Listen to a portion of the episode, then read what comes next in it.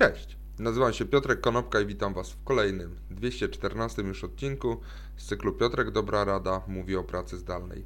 Dziś powiem o trzech strategiach, które warto wdrożyć po to, żebyście dobrze wdrożyli kulturę pracy zdalnej w Waszej firmie w ciągu nadchodzącego 2021 roku.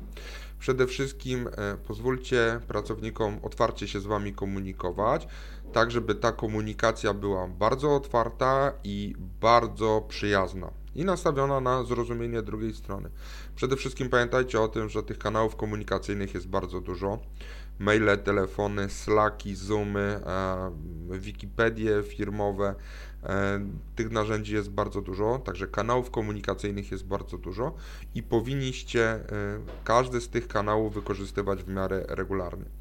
Ale bardzo ważne jest to, poza tym, żebyście codziennie rozmawiali z pracownikami, czy kontaktowali się z tymi pracownikami, to ważne jest, żebyście nie zapominali o tym, żeby regularnie informować pracowników o tym, jakie są cele firmy stawiane przez y, firmę i jakie rzeczy ci pracownicy powinni zrealizować po to, żeby te cele się y, osiągnęły, ponieważ pracownicy pracując zdalnie potrzebują dosyć bliskiej interakcji z firmą.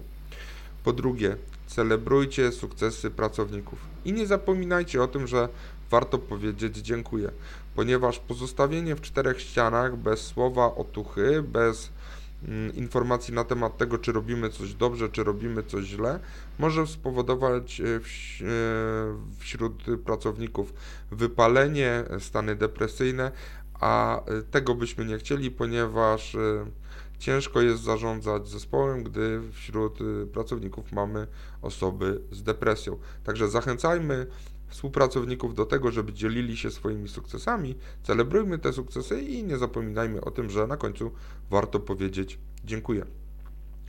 I trzecia, ostatnia strategia, trzeci, ostatni krok to jest e, zachęcajcie pracowników do tego, żeby zachowywali work-life balance, żeby przychodzili do pracy, żeby z tej pracy wychodzili zarówno fizycznie, jak i mentalnie. Fizycznie to znaczy niech przejdą z ulubionego fotela, w którym spędzają popołudnie bądź wieczór, do biurka, krzesła, e, stołu, które będzie ich miejscem pracy. Mentalnie to na przykład tak jak ja, niech założą koszulę, niech założą krawat i ta, e, to wyjście mentalne będzie symboliczne. Niech również chodzą na spacery, biegają, uprawiają aktywność fizyczną, ponieważ pamiętajcie, zgodnie z ostatnimi badaniami, statystyczny Polak przytył 4 kg w ciągu e, ostatniego roku. I to powoduje, że czujemy się czasami po prostu fizycznie gorzej. Także miejmy na uwadze zdrowie psychiczne, zdrowie fizyczne, mentalne wyjście i przyjście e, do pracy. Także to były trzy strategie, jak wdrożyć dobrze zdalną kulturę organizacyjną w naszej firmie. Dzięki serdeczne, do zobaczenia i usłyszenia jutro. Na razie.